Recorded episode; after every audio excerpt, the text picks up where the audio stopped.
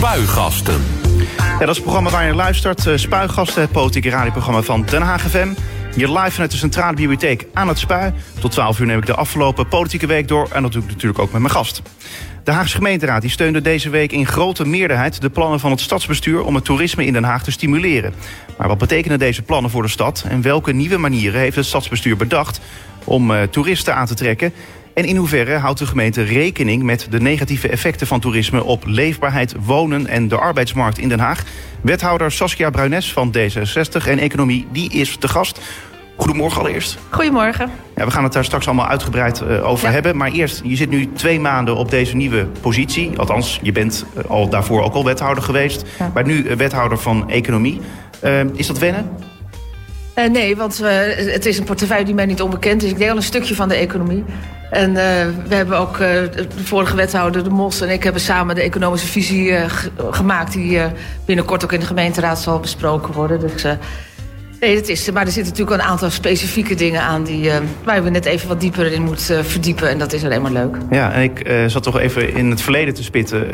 en toen zag ik dat ja. je ook in Leidschendam-Voorburg... ook al wethouder bent geweest van economie. Ja, was ik ook voor, deed ik ook economie. Dus wat dat betreft ja. niks nieuws onder de zon? Nee, maar de, de, hier spelen weer waar andere dingen dan in Leidschendam-Voorburg. Hoewel we ook één economische regio zijn, zeg ik altijd. Liggen naast maar elkaar het is, een, het is een mooie portefeuille. Ja. wat, wat maakt het dan zo mooi volgens jou? Nou ja, het gaat heel erg om uh, het, verdienvermogen van de stad, zeg maar.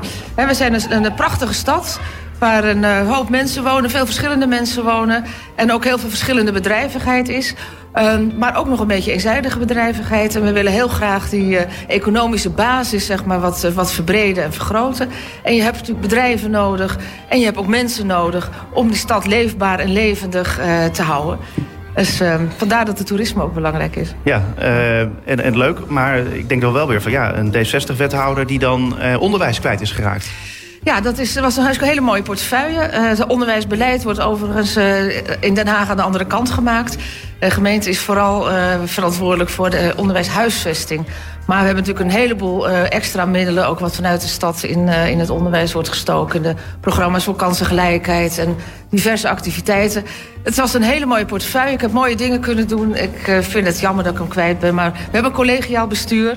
En ik heb een hele goede opvolger op dit punt in Hilbert Brede Meijer. Dus je gaat onderwijs wat dat betreft niet missen? Nou jawel, natuurlijk ga ik dat missen. Maar we praten ook met elkaar over alles. Dus ik kan me er ook nog een beetje mee bemoeien. Precies. En ik heb weer een, mooie, een paar mooie, hele mooie dingen ervoor terug ook. Nou, dat is het belangrijkste. Ja. Uh, we gaan straks uh, hebben over toerisme, over die portefeuille. Uh, maar eerst, zoals altijd... Het politieke weekoverzicht. En dan beginnen we bij... Maandag 3 februari. Ja, dan uh, het wijkberaad Bezuidenhout. Die gaat als eerste bewonersorganisatie in Den Haag... verschillende taken van de gemeente overnemen. Zo gaan ze onder andere aan de slag met het groen in de buurt. En sinds kort kan dat door het Right to Challenge. Dat is het recht van bewoners om taken van een gemeente over te nemen... als zij denken dit beter, slimmer of goedkoper te doen. Ja. Uh, nou hadden we het net over jouw portefeuille. Je bent ook stadsdeelwethouder Haagse Hout. Ja. Daar valt uh, Bezuidenhout onder. Ja. Dan ben je vast trots dat een van jouw wijken dit doet. Nou, ik vind het heel mooi dat, uh, dat, dat uh, ook de kracht van de, van de wijk en van de bewoners in de wijk zodanig is dat we zeggen van nou wij denken dat, uh, dat wij het beheer van het Haagse Hopje in dit geval en ook een stukje beheer van het park dat wij dat, dat wij dat zelf heel goed kunnen doen. En misschien wel beter dan de gemeente of de partij die dat namens de gemeente deed. En ik vind dat eigenlijk een hele mooie beweging. En ik heb er ook eigenlijk alle vertrouwen in. Uh, het is een, een zeer actief uh, stadsdeel met actieve bewoners, actief wijk, wijkberaad. En uh, ik denk dat, dat die dat uitstekend kunnen doen. En ik vind dat eigenlijk heel mooi. Kijk, uiteindelijk zijn wij natuurlijk ook als overheid... Doe, ja, doen wij namens de burgers het werk voor iedereen, zeg maar. En als men zegt van nou, in onze wijk kunnen we dat prima zelf... Ik, nou, waarom niet? Dus ik ja. vind dat een heel mooi instrument. Het kost dus, uh, dus het scheelt de gemeente geld als, als bewoners bijvoorbeeld uh, dingen zelf natuurlijk beter kunnen of makkelijker of, of, of uh, ja. goedkoper kunnen. Nou ja, is dat een verdienmodel dat blijft wel in stand. Hè? Dus ze krijgen daar ook wel een budget voor om dat te doen. Maar uh, zij zeggen zelf, wij kunnen het daarmee beter doen. We kunnen langer open blijven. We hebben meer contact met de mensen die direct baat hebben bij, dat, bij die activiteiten. Dus uh, nou ja, zij krijgen er ook wel een beetje geld voor. Ja, uh, nu willen zij dit uh, blijkbaar graag zelf. Nou denk ik wel dan weer van ja, we zitten al in die participatiemaatschappij... waarbij we heel veel dingen zelf moeten doen. De overheid heeft steeds meer ja, op die burger nou ja, eigenlijk afges, ja, ja, overgedragen in die zin. Ja, is dat wel zo'n goede ontwikkeling? Nou ja, ik, ik, ik weet niet of ik die trend helemaal herken. Ehm, ik denk dat het juist heel belangrijk is. Ik denk dat de overheid de afgelopen decennia heel veel heeft overgenomen van mensen. En ik denk dat mensen uitstekend in staat zijn om zelf hun dingen met elkaar eh, voor zichzelf in de eigen wijk te regelen. Als ze dat willen. En als je ook een groep hebt die dat, die dat kan. En, en uh, ik denk dat de, dat de overheid, de gemeentelijke overheid, zich vooral moet bezighouden met de dingen die je echt voor elkaar moet doen. En dat vervolgens ook heel erg goed moet doen. En daar is natuurlijk ook wel eens kritiek op. Dus eh, vanuit mijn nieuwe portefeuille dienstverlening is dit wat mij betreft ook een, blijft dat een heel belangrijk speerpunt. Om de dingen die we doen gewoon heel goed te doen. Uh, maar ik, ik denk dat het heel verstandig is en fijn is als mensen zelf in hun eigen wijk dingen willen doen daar ook eh, de middelen voor krijgen eh, uit de publieke middelen om dat te doen, dat dat eh, een mooie ontwikkeling is. Ja, en als, als dit nou een succes blijkt, dan kan het bijvoorbeeld in andere wijken gebeuren? Ja, of kan het, het... het is een verordening of een regeling die voor de hele stad geldt. En uh, je ziet ook in andere gemeentes komt het ook voor. En soms zit het heel erg in beheer van de openbare ruimte. Of het gaat gewoon om het bijhouden van het buurtparkje. Nou, in dit geval gaat het ook over een uh, activiteit... Die, uh, die eerder door een welzijnsstichting werd gedaan. Nou, het kunnen misschien ook nog andere dingen zijn. En je moet wel even kijken of het ook wel passend is... als het gaat echt om uitvoeren van wettelijke taken die aan de gemeente zijn... Ja, dan is dat wat moeilijker om dat uit handen te geven. Maar meer beheersfuncties en zo past dat uitstekend. Dinsdag 4 februari. De politie hoopt dat in de toekomst alleen nog maar kindervuurwerk en stabiel en staand vuurwerk mag worden afgestoken. Ook voorzitter Dijsselbloem van de Onderzoeksraad voor Veiligheid kan zich een uitgebreider vuurwerkverbod voorstellen.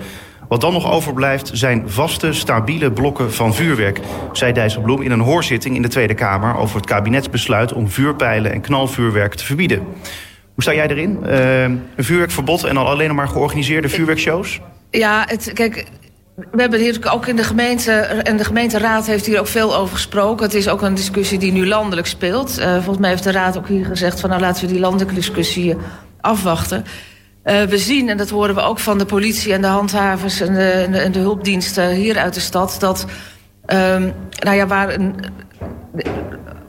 dat het, dat het voor hun het beste te handhaven is als het volledig duidelijk is of het mag wel of het mag niet.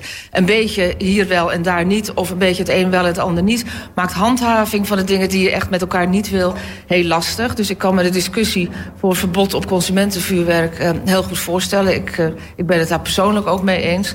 Uh, maar ik begrijp wel dat dat ook best een lastige discussie is, want heel veel mensen hebben er ook veel plezier van. En, uh, en de, ja, je kan ook eigenlijk zeggen dat nou in dit geval ook de goede onder de kwade te lijden hebben. Door al die incidenten die er gebeuren, maar ook het illegale vuurwerk. Wat sowieso al verboden is. Maar ja, dat is, het is lastig. Siervuurwerk is dan, eh, zijn eigenlijk meer de, ja, de dingen die niet te pijlen zijn en niet te knallers zijn. Uh, zou zeker voor kinderen denk ik leuk zijn als dat kan. Maar ik denk dat het heel verstandig is dat die discussie op landelijk niveau plaatsvindt... en dat er ook landelijk beleid op gemaakt wordt. En verder is het heel mooi, denk ik. Want vuurwerk genieten we wel allemaal van. Dat we ook georganiseerd vuurwerk, uh, professioneel vuurwerk... dat we daar de ruimte voor geven. Bijvoorbeeld ook in het uh, vuurwerkfestival op Scheveningen... dat dit jaar uh, hopelijk weer doorgaat. Ja, precies. Woensdag 5 februari. Justitieminister Grappenhaus die wist al zeker tien maanden voor de huiszoekingen bij de Haagse wethouders Richard de Mos en Rachid Gernawi dat er een corruptieonderzoek tegen hen liep. Dat blijkt uit stukken die Omroep West en de NOS bij het Openbaar Ministerie hebben opgevraagd via de wet Openbaarheid van Bestuur. Is het nou opvallend nieuws dat de justitieminister dit al allemaal al lang wist of niet? Uh, ja, ik vind het heel moeilijk om daarop te antwoorden. Want ik denk dat bij dit soort onderzoeken, uh, als, als iemand het weet, is het de minister van Justitie of moet, moet weten. En uh, vervolgens worden daar ook afwegingen gemaakt die aan de Rijksrecherche, Openbaar Ministerie, minister zijn. over nou ja, aanpakken, weet ik wat allemaal. Daar gaan we niet over. Ik heb er ook geen zicht op. dus ik wil daar eigenlijk ook geen uitlatingen over doen. Ja, even terug naar het moment. hoe ervaarde jij toen die 1 oktober? Ja, dat was een beetje een, een rare dag. Want uh, het was een dag die ook helemaal gepland stond... ook voor het college om uh, ons voor te bereiden... op het rapport van de Onderzoeksraad voor de Veiligheid... over de vreugdevuren, die de dag daarna uh, zou gaan komen. En...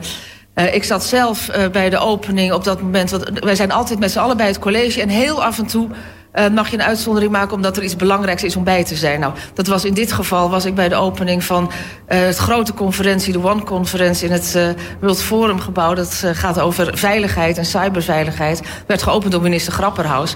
En ik was namens de gemeente vertegenwoordigd daar, ook protocolair vertegenwoordigd, om bij die opening te zijn. Dus ik zou al ietsje later, een half uurtje later in het college komen. En ik zat in die zaal natuurlijk met de telefoon uit, want dat, eh, dat doe je dan.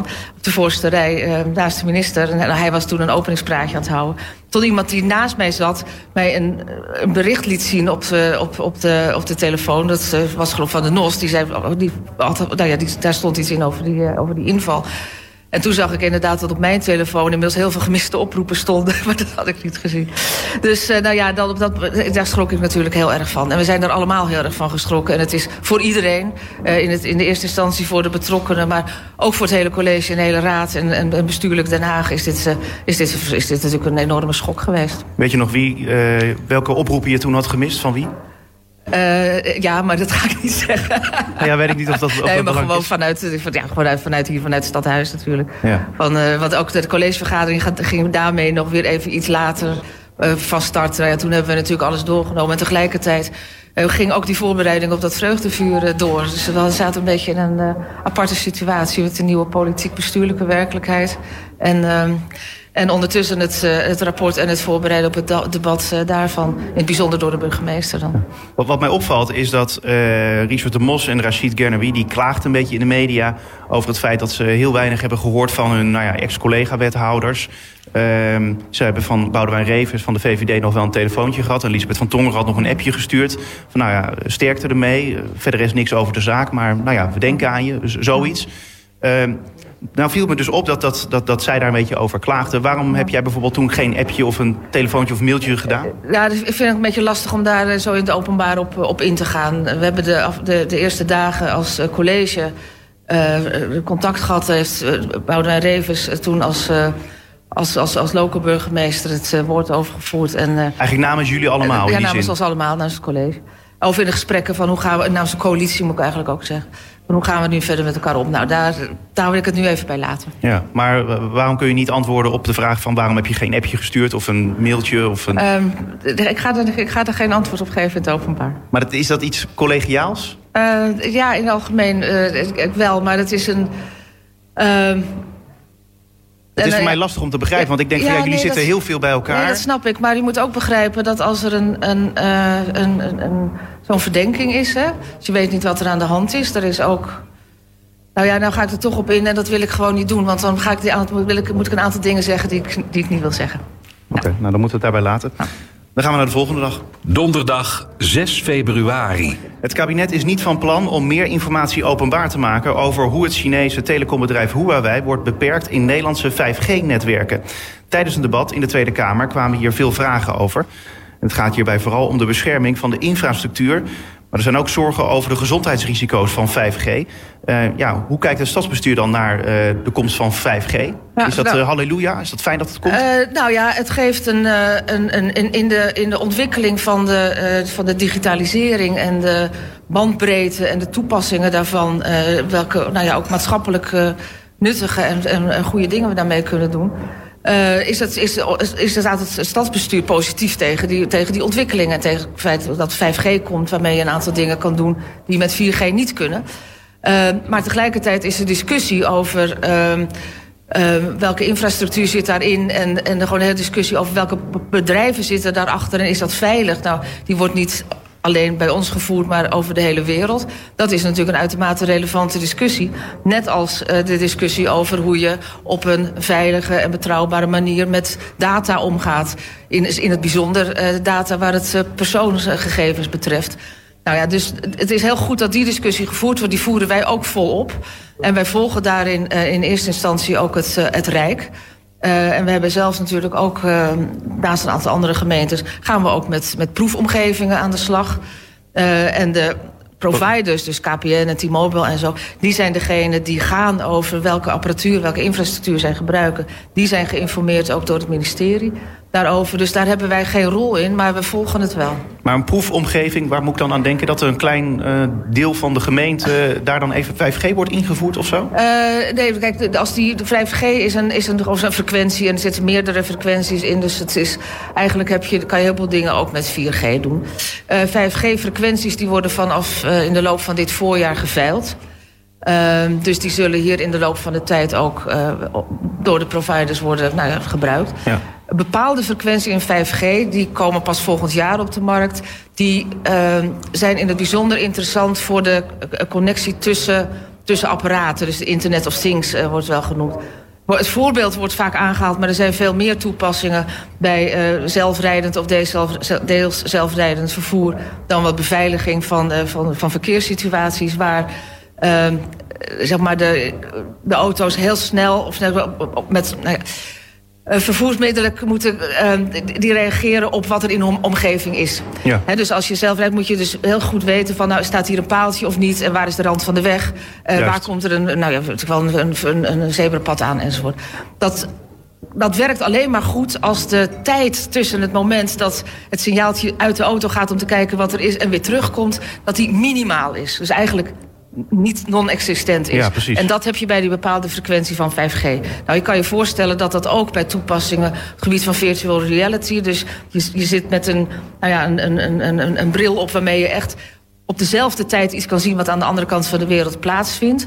En dat kan interessant, belangrijk zijn in vergaderen... maar in het bijzonder bij uh, bijvoorbeeld bij operaties... of bij technische uh, hoogstaande uh, ontwikkelingen... Nou ja, zo kan je nog een aantal voorbeelden noemen. Maar uh, daar is dat heel, heel uh, bijzonder voor. Nou, en dat betekent dat is niet altijd is die, die 5G-frequentie... in de openbare ruimte voor iedereen interessant. Is ook wat minder interessant voor consumenten. Maar in, het, uh, in de industrie en in de techniek is die wel heel, uh, heel, heel belangrijk. Dus nou, wat wij nu in ieder geval gaan doen is met die hogere frequenties... maar ook gewoon met toepassingen in onder andere Scheveningen... in een nou, bepaald vastgesteld gebied... Uh, kijken wat, wat daar de mogelijkheden voor zijn. En dan kan het gaan over verkeersstromen, het kan over crowdmanagement... maar ook over het meten van geluiden van vleermuizen en vogels... ten behoeve van het Natura 2000-gebied. En dat vindt in een... in een ehm, gecontroleerde situatie plaats. Dus alles wordt gemonitord, alles wordt gemeten. En we kijken ook waar we tegenaan lopen... om de vraagstukken waar het gaat over het delen van gegevens... Uh, wie gaat nou waar over... Ja, hoe verhoudt zich dat tot, tot de bevolking en de mensen die er misschien mee te maken hebben? Wat kan je wel doen, wat kan je niet doen? Om daar ook van te leren, zodat we daar weer ook goede afspraken over kunnen maken. Het is een beetje een lang antwoord, maar ik probeer ik het een beetje ja. het ja. totaalbeeld te geven. Het is wel iets nieuws in de zin van, uh, ja, we gaan er wat, allemaal nu nog niet... maar we gaan ja. er wel allemaal uiteindelijk wat van merken. Nou ja, en, en voor ons is het belangrijk... en dat hebben we ook gewoon opgeschreven in ons, in ons uh, digitale beleid, zeg maar... Uh, het uitgangspunt is wel dat je voor, voor, voor, een, voor een overheid... dat het maatschappelijk relevant is wat je doet. En, ja. en, en, en, en, het medisch onderzoek is ook heel erg relevant. Uh, maar dat is niet onze, onze taak. Dus voor ons is het belangrijk om gewoon de dingen in de stad beter te laten functioneren. En voor de mensen beter te maken. Met 5G, ja. Vrijdag 7 februari. De commissie die op zoek gaat naar de nieuwe burgemeester van Den Haag... die bestaat uit raadsleden van vier coalitiepartijen en drie oppositiepartijen... waaronder Hart voor Den Haag Groep de Mos. Van deze partij gaat niet fractievoorzitter Richard de Mos... maar raadslid Arjen Dubbelaar de vertrouwenscommissie in. Verder komen Birko Usmen van D66, Mikal Tsegay van de Partij van de Arbeid... Marielle Favier van GroenLinks, Joris Wijsmuller van de Haagse Stadspartij... en Robin Smit van de Partij voor de Dieren in de commissie. VVD'er Chris van der Helm die wordt voorzitter... En wethouder Saskia Bruines die is namens het college adviseur van de Vertrouwenscommissie. Ja, ik kan maar één vraag stellen. Eigenlijk zin in? Nou ja, het is, uh, ja, daar heb ik wel zin in. En het is ook heel belangrijk. En ik vind het een eer dat het college mij... Uh, uh, aan de raad heeft uh, voorgedragen om hun adviseur te zijn. Het, ik vind het ook belangrijk dat er iemand van het college bij zit. Omdat de burgemeester is voorzitter van de raad, maar ook voorzitter van het college. Uh, wij vergaderen elke week met de burgemeester. De burgemeester moet ook van alle onderwerpen die bij ons in voorbereiding zijn, bij de wethouders, verstand hebben. Belangrijk voor de eenheid van de besluitvorming enzovoort enzovoort. Dus het is wel belangrijk dat een, ook een collegelid een beetje meekijkt met die bril op. En uh, ik vind het een hele eer dat ik dat mag doen. Enig idee waarom je wordt voorgesteld eigenlijk om dit uh, te doen? Uh, nou ja, dat, wat, wat, wat een beetje meespeelt is dat ik wel wat in verschillende gemeentes politieke of ook wethouderservaring heb. Ik heb in Amsterdam ben ik wethouder geweest, in Leidschendam Voorburg en nu hier. En dat ik inmiddels, ik geloof, zeven burgemeesters heb meegemaakt van die, die hoedanigheid. Dus ik heb wel wat, nou ja, wel een beetje inzicht, denk ik, in de, ook de verschillende burgemeesterstijlen en types. En uh, ik weet ook wel, wel wat belangrijk daarin uh, in is. Ik heb ook, uh, overigens ben ik adviseur geweest in dezelfde rol bij toen ik in, in Leidschendam Voorburg wethouder was. Was ik ook toegevoegd adviseur bij de Vertrouwenscommissie die over de huidige burgemeester nou ja, adviseerde. Ja. En hoe ziet die functie dan nog uit? Want zit je dan bij overleggen, je hoort alles aan, luister je en uiteindelijk geef je advies, zoiets? Uh, nou, ik denk dat daar ook nog even het gesprek over moet plaatsvinden. Want het is de voordracht en er komt nog een soort van uh, startberaad... een vergadering van nou, hoe, hoe, wordt het hele proces ingericht. Het primaat ligt, ligt echt bij de gemeenteraad en de vertrouwenscommissie. Uh, dat betekent dat volgens mij de adviseur ook niet meestemt... als het op stemming aan mocht komen. Maar wel mening geeft over het proces en de inhoud. Ja. de kandidaten natuurlijk. En op het moment dat dan, uh, want ik kan me herinneren dat uh, bij, uh, nou ja, eigenlijk op het moment dat, dat de gemeenteraad Pauline Krikke heeft voorgedragen als burgemeester. Toen mocht het college daar niet bij zitten tijdens die raadsvergadering. Ja. Stond mij bij, want er stonden al die wethouders daar in het atrium. nou weet ik eigenlijk niet meer of dan de adviseur... mag die daar ook niet bij die gemeenteraadsvergadering bij zijn? Want dan heb je toch een andere rol eigenlijk. Ehm, ja, maar uiteindelijk adviseert de vertrouwenscommissie, niet de raad. Dus ik denk dat dat via de voorzitter van de vertrouwenscommissie dan loopt. Aha, ja. Uh, dus, dus het is echt een, een besluit van de gemeenteraad. Dat moet natuurlijk in alle vertrouwelijkheid plaatsvinden. Nou, die adviseur is houdt zich natuurlijk aan, volledig aan die Precies, ik wou net zeggen, ja. ja nee, dat is ook. Zou nee, maar dat, uh, dus, dat betekent wel dat daar ook verder niemand anders van buiten uh, bij kan zitten. Ook aan ondersteuning niet. Ja. Um, dus ja, goed, we moeten even kijken hoe dat precies gaat. Maar... Maar de komende tijd wordt het dus de hele tijd... De, uh, ja, moeten moet de lippen gesloten worden. De kaarten ja, moeten op elkaar. Tuurlijk, ja, vanzelfsprekend. Nee, maar dat zou ook niet uh, goed zijn. Kijk, uh, wij hebben nu het systeem zoals we het hebben. Ik ben ook voorstander van een uh, gekozen burgemeester, mijn partij. Nou, daar zijn dus al heel veel over gesproken. Dat is nog steeds niet helemaal van de baan, maar we hebben nu te maken met de situatie zoals die nu is. En dat betekent dat, uh, dat daarin de, de optimale vertrouwelijkheid uh, gewaarborgd moet zijn. En dat ook degenen die solliciteren uh, daarop kunnen vertrouwen. Want dat zijn, dat iedereen heeft wel eens ergens gesolliciteerd. En zeker als je vanuit de bestaande functie solliciteert als dingen op straat komen te liggen... of mensen gaan speculeren over wie wel of wie niet... en of die dan wel geschikt is of niet... Nou, dat is natuurlijk persoonlijk heel vervelend... maar verstoort het proces en de zorgvuldigheid van het proces ook. En, het, uh, en, en ook de afwegingen die je moet maken. Want als een kandidaat naar buiten zou komen... Ja, dan krijg je een heel ander afwegingskader... omdat dan ook opeens een publieke opinie over zo iemand gaat ontstaan. Nou, dat, is, dat zijn geen fijne dingen voor geen van de partijen. Dus vandaar dat die vertrouwelijkheid zo belangrijk is. Ja, en als een kandidaat zegt van... nou, ik wil mezelf uh, openbaren... in de zin van uh, ik wil meedingen naar het burgemeesterschap van Den Haag... dan ja, dat is, staat iedereen natuurlijk zelf vrij. ja. ja. Maar dat zou je dus niet echt verstandig vinden in die zin? Nou ja, dat, dat, is, dat is aan iedereen zelf. Maar in ieder geval de vertrouwenscommissie en iedereen, en iedereen die in dit proces betrokken is... Um, die kunnen natuurlijk niet voor iemand anders gaan beslissen... Uh, om, om openbaar te maken dat uh, hij of zij kandidaat is. Ja. Uh, het moet allemaal heel erg geheim blijven. Nou ja, je zegt nou, dat, dat is de bestaande situatie. Zou misschien iets aan moeten veranderen dan met natuurlijk de gekozen burgemeester. Vraag is dan, krijg je dan op die manier nog betere kandidaten dan dat je die nu hebt, toch? Dat, dat weet ik niet. Dat is ook altijd de discussie. En uh, dat, dat, ook het, nou ja, dan, je zou ook het systeem dan een beetje moeten veranderen. Daar kunnen we nog een keer een hele middag misschien een keer een debat over houden... van de voorzitter tegen zo'n gekozen burgemeester. Maar het... Uh, uh, ja, dat, dat, je krijgt een veel bredere range aan, aan, aan kandidaten commissaris van de Koning heeft op dit moment ook nog een rol. Hè, want er wordt een soort voorgesprekken, uh, voorselectie door hem uh, gemaakt. En uh, uiteindelijk beslist de vertrouwenscommissie zelf met wie ze spreken. Um, nou ja, dat proces is, gaat nu zoals het gaat. Het is een hele grote verantwoordelijkheid voor alle partijen die daar zijn. En ik heb begrepen ook dat de vertrouwenscommissie dat natuurlijk heel serieus neemt. En zich ook gewoon laat bijstaan door mensen die hem daar nog weer optimaal in kunnen uh, accommoderen en kunnen helpen om dat zo goed mogelijk te doen. Dus ik heb er zin in en ik vertrouw op een heel mooi, zorgvuldig en verstandig proces. Tot slot mag je nog zeggen waar, aan welke kwaliteiten die nieuwe burgemeester moet voldoen? Nou, ik denk dat het voor een burgemeester, dat moet ook iemand zijn, een, een, boegbeeld. Hè, dat staat ook in de, het is een mooie profielschets die wordt vastgesteld. het moet een iemand zijn die ook boven de partijen staat. Ik denk dat het belangrijk is dat voor Den Haag ook iemand is met een goede bestuurlijke ervaring. We hebben ook natuurlijk heel veel met het, met het Rijk te maken. Dus ook iemand die de weg daar een beetje weet is belangrijk.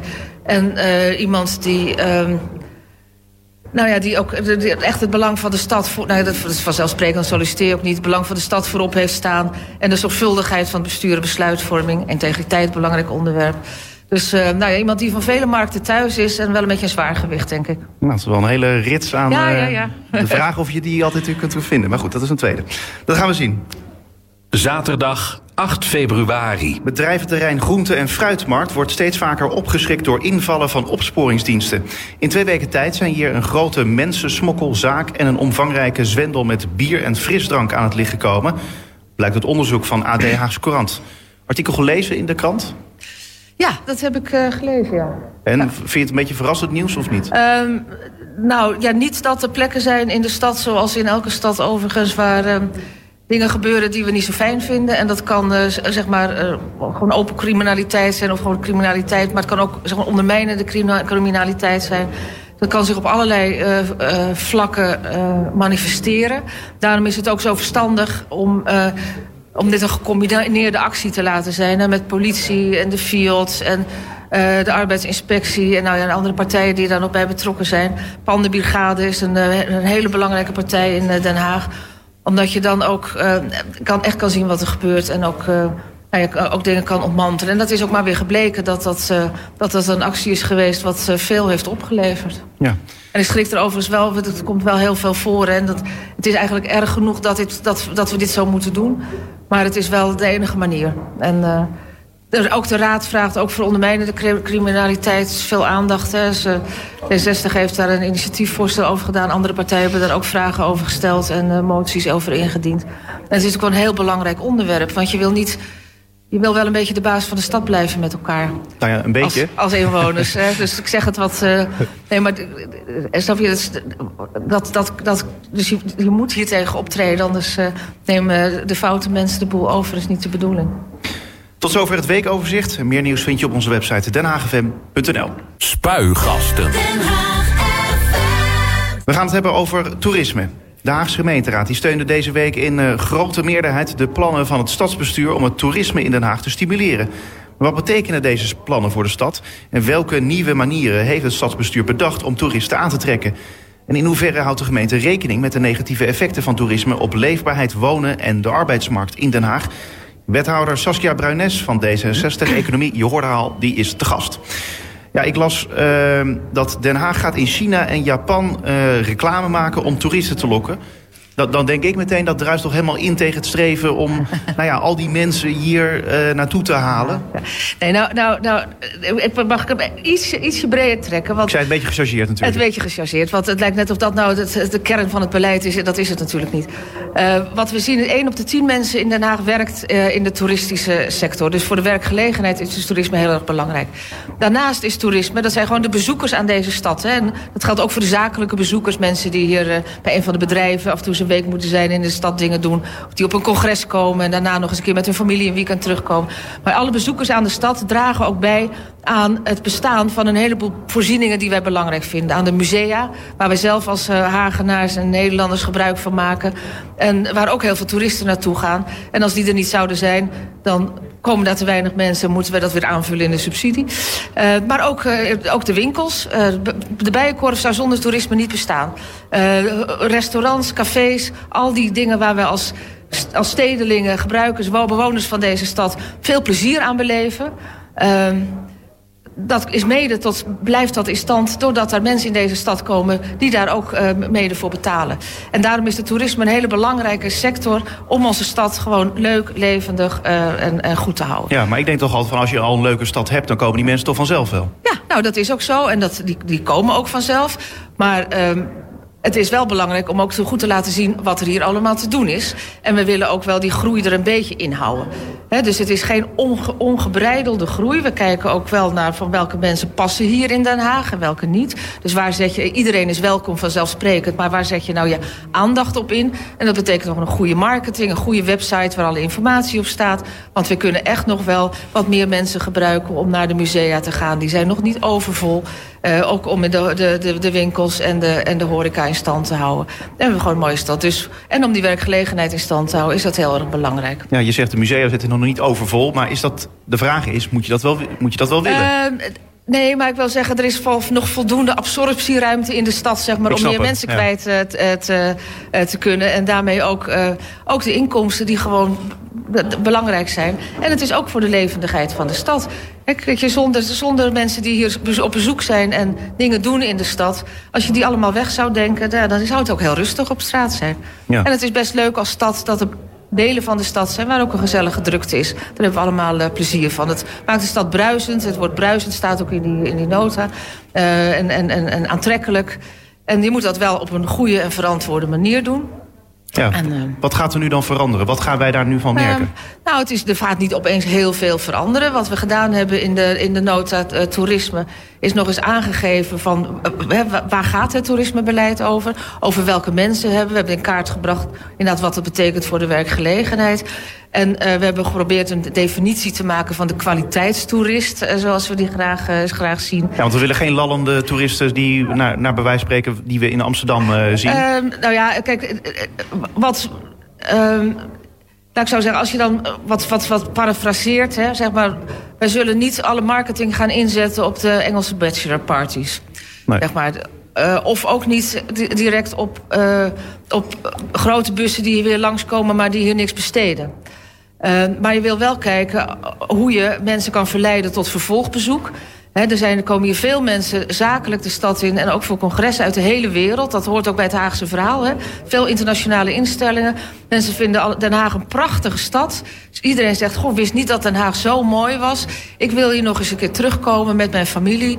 Uh, op vakantie of in het weekend of met vrienden en kennissen en zo. En dat vinden we hele mooie en, en, en, en waardevolle toeristen. En uh, ook gewoon de mensen die hier zomers voor het strand komen uit heel Nederland... maar ook over, uit de omringende landen. Uh, Duitsland, er komen natuurlijk altijd veel mensen vandaan... maar ook Frankrijk, België. Scandinavië is ook nog een interessante markt. Dus, um... Maar ik hoor nu nog niet iets van waarvan ik denk van... nou ja, dat is nou totaal nieuw ten opzichte van het nee, andere. Dat zei je ook van... Uh... Nee, maar het is ook... Het, is, het, het, het, beleid was er ook wel, maar je moet ook af en toe het wel eventjes weer goed opschrijven. En er zitten een aantal aanscherpingen in wat betreft definities. Er is wat meer onderzoek gedaan naar... Uh, naar achtergronden. Er staan wat meer dingen in over welke marketinginstrumenten kunnen we nou inzetten. Er is onlangs een nieuwe website uh, geopend, uh, denhaag.com... waar het hele nou ja, toeristische uitgaansleven, ook, ook, het, ook de uitagenda in staat... En die als je er zelf voor kiest om je locatie... Uh, systeem op je smartphone aan te zetten dan, dan beweegt hij ook met je mee, zeg maar. Hè. Dus uh, als je in, uh, in, op Scheveningen bent bijvoorbeeld... dan krijg, kan je daar direct de dingen die daar in de buurt op die dag uh, gebeuren... kan je dan op je smartphone krijgen. Nou, dat soort snufjes zitten erin. Dat is hartstikke leuk. Dus nou ja, daar gaan we wat verder, wat verder mee. Dus het is goed om dat af en toe even te markeren. Waar staan we nu en wat zijn de volgende stappen? En dat is in deze nota gebeurd. Ja. En misschien kan je 5G dan ook weer voor gebruiken dan, toch? Ja, ja. zeker. Precies. um, Nou, nou, nou, vraag ik me wel weer af van ja, in hoeverre houdt de gemeente dan rekening met die negatieve uh, effecten van dat uh, toerisme? Want uh, je zegt van ja, het is fijn als er wat meer mensen naar die musea komen. Ja. maar dat betekent ook dat dus hotels voller raken. Ja. Nou ja, daar hebben mensen die in de stad leven, de Hagenaars die hier al wonen, krijgen daar misschien wel last van. Ja, nou, kijk, we zijn natuurlijk allemaal een beetje geschrokken van de zogenaamde Amsterdamse toestanden. En, het, uh, en uh, daar zijn natuurlijk op een aantal punten, en dat geldt ook voor andere steden, Barcelona, Berlijn, New York. Die hebben ook nou ja, last, in ieder geval gevolgen, negatieve gevolgen van een aantal ontwikkelingen, ook in de maatschappij rond Airbnb en die deeleconomie dingen. En dat betekent dat je, en ook in het toerisme voor andere dingen, en dat daar ook zo'n beeld ontstaat van, ja, maar dat willen we hier niet. Nou, zover zijn we nog lang niet, maar het betekent wel dat we waakzaam uh, moeten zijn... en dat we ook heel goed kunnen leren van uh, wat er in andere steden... misschien te laat aan beleid is ingezet, wat we dat voor kunnen zijn. Daar heeft de gemeenteraad ook nadrukkelijk aandacht voor gevraagd. Uh, dat betekent dat op het gebied van Airbnb en de negatieve gevolgen daarvan... zowel waar het gaat om onttrekking van woningen aan de woningmarkt... maar ook uh, nou ja, concentratie daarvan met... Uh, ja, soms mensen die ook denken van nou, we kunnen hier de hele nacht feesten en niemand heeft er last van. Ja, de mensen hebben daar wel last van als je daarnaast woont. Dat je dat goed in de gaten houdt. Dus daar, hebben we ook, uh, daar zijn we mee bezig om te kijken wat, wat daaraan kan. Hè. Er zijn ook landelijk een aantal ontwikkelingen in. Uh, maar ook is er gevraagd van wat betekent het in de leefbaarheid algemeen. Nou is dat wel een beetje een lastig begrip. Maar ik heb wel toegezegd dat we maken elk jaar een monitor van toerisme... over hoeveel mensen, waar komen ze vandaan, wat doen ze... Nou, hoeveel geld geven ze uit. Dat we kijken of we dat ook kunnen uitbreiden met een aantal andere effecten. Nou, het moet dan wel meetbaar zijn en ook naar toerisme terug te brengen zijn... Maar dat, ik denk dat dat goed is, want meten is weten. En dat, uh, dat moet je dan op een breed, uh, perspectief doen. Ja, maar belangrijk is inderdaad dat aanbod van wat, wat heb je dan in de stad? Heb je inderdaad kwalitatief goede hotels? Heb je inderdaad musea? Ehm, nou ja, en heb je nou wat meer zaken inderdaad die nou ja, ervoor zorgen dat kwaliteitstoeristen, om maar zo te noemen, dus naar, naar Den Haag toe komen. Maar het kan ook zomaar zijn dat er iemand denkt van... nou ja, inderdaad, ik ga bachelorparties uh, organiseren hier in Den Haag. Dan kan dat toch gewoon? Uh, ja, maar je kan, dingen, je kan dingen ontmoedigen en je kan uh, dingen stimuleren. Je kan op een gegeven moment ook dingen verbieden. Om dan toch even op Amsterdam terug te komen. Daar was op een gegeven moment in de binnenstad... daar kon je niet meer normaal fietsen of wandelen vanwege de bierfietser. Hè, die grote fietsen met dingen. Nou, daar is wel gezegd, die mogen niet meer de binnenstad in. Nou, daar kan je, die hebben we hier uh, niet. Uh, maar er kan zomaar een ondernemer op het idee komen. Ja, en, die kan de komende dus, tijd en dan moet je dan dus beleid op maken. En dan weten we gelukkig hoe, dat, hoe ze dat in andere steden gedaan hebben. En waar je dan op moet letten en welke regels daarbij spelen. En kan je ook nog de afweging maken hè, van vinden we dat het wel kan of vinden dat het niet kan. Uh, in principe vind ik dat we, daar, dat we open moeten staan voor alles. Maar ik, ik snap heel goed de raad dat je moet zeggen... nou ja, er zijn dingen die, we, die niet passen bij Den Haag. Nou is elke stad ook weer anders, hè, en zit ook anders in elkaar. Uh, Den Haag heeft natuurlijk Scheveningen... waar zomers echt top is. En dat moeten we gewoon goed accommoderen. En, uh, en dat, het geld ook moet, moet ook verdiend worden in de zomer daar... Uh, dus dat is ook belangrijk voor de hotels. Wat ook meespeelt is van uh, hoe ga je om met je hotelbeleid? Hoeveel hotels kunnen erbij of juist niet? Uh, en in welke categorieën kan je daarop sturen? Nou, daarom zijn ook, is het ook goed om precies te weten hoe die ontwikkelingen zijn. Wat, hoe de vraag zich ontwikkelt. Hoe de vormen van toerisme zich ontwikkelen. Dat moeten we ook samen doen met al die partners in de stad. Ja, uh, een van de zaken uh, wat, mij dan, nou ja, wat dan nieuw is in die zin aan het beleid... Uh, dat heeft ook de gemeenteraad gezegd... er moeten influencers worden ingezet om ervoor te zorgen dat er dan mensen naar Den Haag toe komen. Nou ja, je kijkt natuurlijk naar wat voor manieren je de marketing van die stad zo goed mogelijk kan doen. We hebben een voortreffelijk De Heek Marketingbureau... Uh, bij de Heek Partners die dat al jaren heel goed doet... en die ook constant bezig zijn met vernieuwing uh, van... en ik noemde net iets over die website. Er is nu een, in de raad een motie aangenomen om te kijken hoe influencers. Nou ja, dat zijn eigenlijk mensen die op internet of, of, nou, of, op, op, een, op YouTube, op YouTube en, uh, kanalen hebben om dingen te vertellen enzovoort. Uh, ook het Nationaal Bureau voor Toerisme is daar over aan het nadenken hoe dat kan. En ik vind ook heel terecht dat wij ook als moderne stad uh, kijken hoe we dat inzetten. Ik heb die motie van de heer Sluis van harte omarmd en die is ook aangenomen door de Raad. Ja. Uh, en dan verder, uh, dat is meer om de kwaliteitstoerist misschien hier naartoe te, te, lokken. Want bij influencers heb ik toch het idee dat er toch wat andere toeristen op afkomen dan bij Spinoza.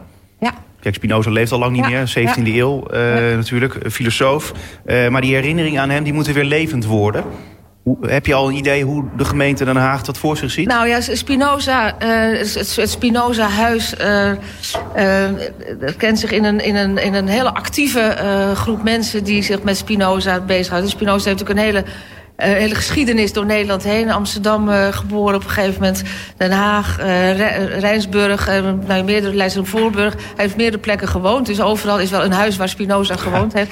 Maar het verhaal van Spinoza is natuurlijk prachtig. En dat uh, past ook wel heel erg bij Den Haag. En hij heeft hier de uh, geschreven en hij is hier ook over, overleden. Nou, er was nog even discussie waar zijn botten nou precies liggen. Maar, uh, dus, en er, er zijn natuurlijk veel mensen in deze stad van vrede en recht... waarvoor Spinoza internationaal als filosoof een hele grote is. En het is daarom ook belangrijk dat hij een plek vindt in uh, de stad. Nou, er is een initiatief geweest van een aantal mensen in Den Haag... die aandacht hebben gevraagd om de plek die nu is, het Spinoza-huis bestaat nu, is een klein stukje wat ook gebruikt kan worden. Om te kijken, kunnen we dat niet wat meer zichtbaar krijgen en ja. wat meer naar voren brengen. En maar dat huis staat er toch plan. gewoon aan de paviljoensgracht? Ja, maar dat, dat, dat, is ook niet, dat is maar deels te gebruiken. Nou, er woont ook gewoon iemand in, geloof ik. Dus dat kan ook niet zomaar mensen nee. uit hun huis zetten. Maar de vraag van kunnen we de, de, de plek van Spinoza... en het, het verhaal van Spinoza wat zichtbaarder krijgen in Den Haag... is denk ik een hele terechte. En uh, ook de gemeenteraad heeft zich daarvoor uitgesproken. Unaniem overigens. Dus dat geeft ons ook gelegenheid om daar uh, samen met de initiatiefnemers... een uh, stap in te zetten. Ja. En dan denk ik, het klinkt allemaal hartstikke mooi... maar dan denk ik wel van ja, daar woont dus iemand in dat huis. Er wonen ja. ook nog mensen ernaast. Ik bedoel, stel dat we nou als, wel als gemeente zeggen... nou, kom dus al met z'n allen kijken naar dat Spinoza-huis... bij wijze van spreken... dan krijg je Nou ja, dus, dus zo'n leefbaarheidsprobleem. Daarom zeg ik, dat moet je op een goede manier met elkaar uitwerken. Maar Ja. het hoeft niet altijd... Je hebt, je hebt een plek, maar je hebt ook het, het verhaal. En je kan op allerlei manieren daar aandacht voor vragen. Ja, maar de plek dus is dat wel heel zullen we met belangrijk. elkaar gaan bekijken. Tuurlijk is een plek belangrijk, want dat is, ja, dat, is, dat is ook iets wat veel mensen fijn vinden... om ergens te gaan kijken. Nou, ehm, er zijn natuurlijk overal in, eh, in alle steden zijn er een huis van en dit en dat. Weet je, het, eh, voordat je nou echt daar rijen dik het hele jaar hebt... nou, dan, we hebben nog wel even een stukje te gaan. Nou ja, maar ja, denk voorbeeld is het, Amsterdam eh, met het Anne, huis van Anne Anne Frank. Frank. Ja, ja, ja, nou dat, eh, dat is er inderdaad eentje. Maar goed, ik denk dat, dat, dat daar nog wel even een stukje verschil in zit. Maar Spinoza verdient wel wat meer aandacht in onze stad. Dat is één ding dat zeker is. Eh, overigens, je, je zei van ja, het is nog even de vraag van waar die botten dan precies liggen. Maar ik dacht dat hij begraven lag bij de Nieuwe Kerk. Maar Ja, dat, eh, dat dacht ik ook. Maar er was discussie over in de gemeenteraad. Dus eh, ik ben het- de draad ook even kwijt. Oké. Ehm, maar goed, het moet dus worden voorkomen dat Den Haag een soort, een soort nieuw Amsterdam wordt. Ehm, maar we moeten er wel voor zorgen dat er meer toeristen hier naar eh, Den Haag eh, toekomen. Eh, op zich, de campagne Cultuur aan Zee heeft het afgelopen jaar meer bezoekers naar Den Haag weten te trekken. Dat meldde ook het De Heek Marketingbureau... Ja. die de gezamenlijke campagne van de Haagse culturele instelling co- coördineert. Zo ving het Nationale Theater via de campagnesite Cultuur aan Zee... ruim 50% nieuwe bezoekers op hun website. Is dat een voorbeeld dan van... Nou ja, daarmee laat je dus zien, cultureel, dus kwaliteitstoerist... Dat is iets. Ja, dit is een, dit is een, een voorbeeld bij uitstek. En dat eh, zie dat er als je daar heel gericht eh, eh, aandacht voor vraagt... en goed nadenkt over hoe je welke mensen bereikt... en mensen die je graag wil bereiken, dat dat dus ook werkt. En dat is heel fijn voor, die, eh, voor, de, voor de musea. Het is fijn voor de mensen dat ze kunnen genieten van de mooie kunst. En het is fijn voor de musea omdat het, nou ja, ze ook, eh, hun, hun bereik groter wordt. En ook voor hun inkomsten is dat natuurlijk relevant. Ja, ik zat wel te denken, die kwaliteitstoerist die komt natuurlijk ook naar het Binnenhof. Mooie oude Ja. gebouwen, Ja. Mauritshuis zit daar. Eh, over musea gesproken.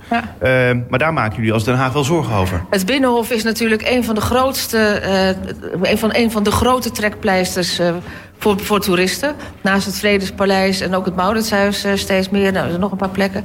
Eh, dus als het, als het ehm, Binnenhof dichtgaat voor de verbouwing... en we weten nog niet precies wanneer dat gaat gebeuren... Ja, dan is het natuurlijk zaak, eh, en dat is een verantwoordelijkheid voor de Rijksoverheid... maar ook voor ons en in, in goede samenwerking... dat we wel die stad aantrekkelijk houden... en dat de mensen die naar Den Haag komen... dat er ook voldoende andere redenen zijn om te komen. Dus eh, het is heel terecht dat we daar heel goed over nadenken met elkaar. En dat doen we ook. En ook al een aantal jaren. En er zijn ook al een aantal ideeën over ontstaan. En ik, eh, ik ben daar ook met de staatssecretaris over in gesprek... wat we daarin in kunnen doen. En wat ik ook belangrijk vind erin... dat we dat ook gewoon in goede samenwerking... met alle, onze culturele instellingen... en ook met, het, eh, met, met, ja, met de ondernemers uit de binnenstad eh, doen. Ehm, Maar nou, het zijn zo. geen harde onderhandelingen, hoor ik. Het zijn gesprekken. Eh, dat, dat- natuurlijk zijn dat onderhandelingen, moet je dan met elkaar... maar het is wel een gemeenschappelijke verantwoordelijkheid. En ik vind dat daar een... eh, kijk, dat, dat, dat, dat moet een stevig programma op zitten. En dat kost ook geld. ja. Dus, eh, Maar ik weet niet waar u vandaan haalt dat dat... eh, nou, het is, nou, het is meer van eh, dat, dat eh, Hart voor Den Haag Groep de Mos zegt... van ja, eh, moet, eigenlijk moet eh, Den Haag moet een soort van het mes op de keel zetten bij, eh, bij het kabinet... om met een zak geld over de brug te komen. Eh, nou ja, mes op de keel zou niet mijn uitdrukking zijn... maar dat we daar stevig over moeten spreken wel. Eh, wat ik in de krant las is dat eh, gezegd werd... van dan moeten wij maar zeggen als er niet genoeg geld komt... dat, dat de vergunning voor de verbouwing van het Binnenhof niet wordt verleend. Dat is toch een mes op de keel zetten? En dat, nee, maar dat is natuurlijk een hele rare. Want een vergunning wordt verleend, of een bouwvergunning... op basis van, van, van, de, van, de, van de wet en regelgeving wat betreft bouwen.